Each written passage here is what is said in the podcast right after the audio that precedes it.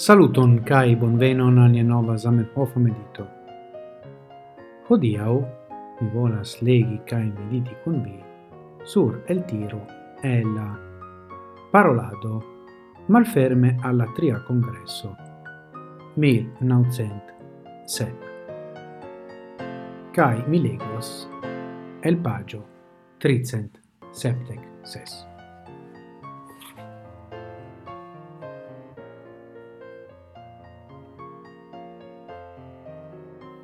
Mi usas nun la bonan occasion por esprimi mian plei sinceran dankon al ciui kiui sendis al mi amicain bon desiroi. La gratulo e partenas compreneble ne al mi persone, sed alla tuta batalantaro esperantista.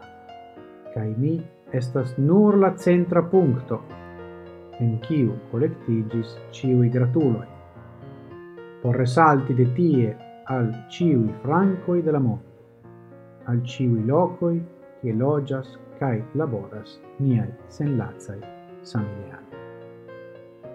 Quasau silente comisita della tuta esperantistaro, mi vocas al ciui esperantistoi batalantoi, mi vin gratulas, mi core vin gratulas, che vi pazienze el tenis en la daure de dudec iaro, malgrau la tu multai pardon malgra la multa attacco e kai mal agrablajo qui al neniuj, neniu el vi mankis. Do, carai shainas vere ni diru retorica stil exerzo, sed malanta utio estas io, qui lau mi troveblas interlinie tra la vortoi. Denove la virto de la 1907 estis jubilea iaro iu sense char Esperanto agis dudec kai travivis multa in malfacilajoin. Kai do mi pensas che tiui gratuloi Zamenhofaj in estas pure formalaj, sed havas grundo en sia coro, en la coro de Zamenhof. Kai mi anca pensas alian afero Do mi esas professoro kai mi havas studento. Do, kio okazus? Ĉu la studentoj malaperiĝu? Ĉu mi ancora estus professoro? Ni diru reale, ne formale. Do, mi volas diri,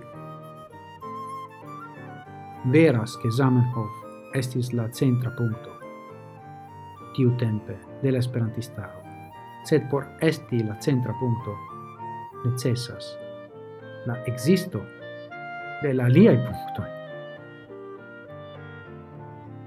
Do gravas por ne perdigi en sencela truo de narcisismo necessas ni estes ni estes diranta conscii kai memori foi foi che ni esas nur punto inter multa ialia et se ni estas, tro disolige solai, en niai domoi, dum cent octec tagoi facte. Ciel mi spertas, hodio.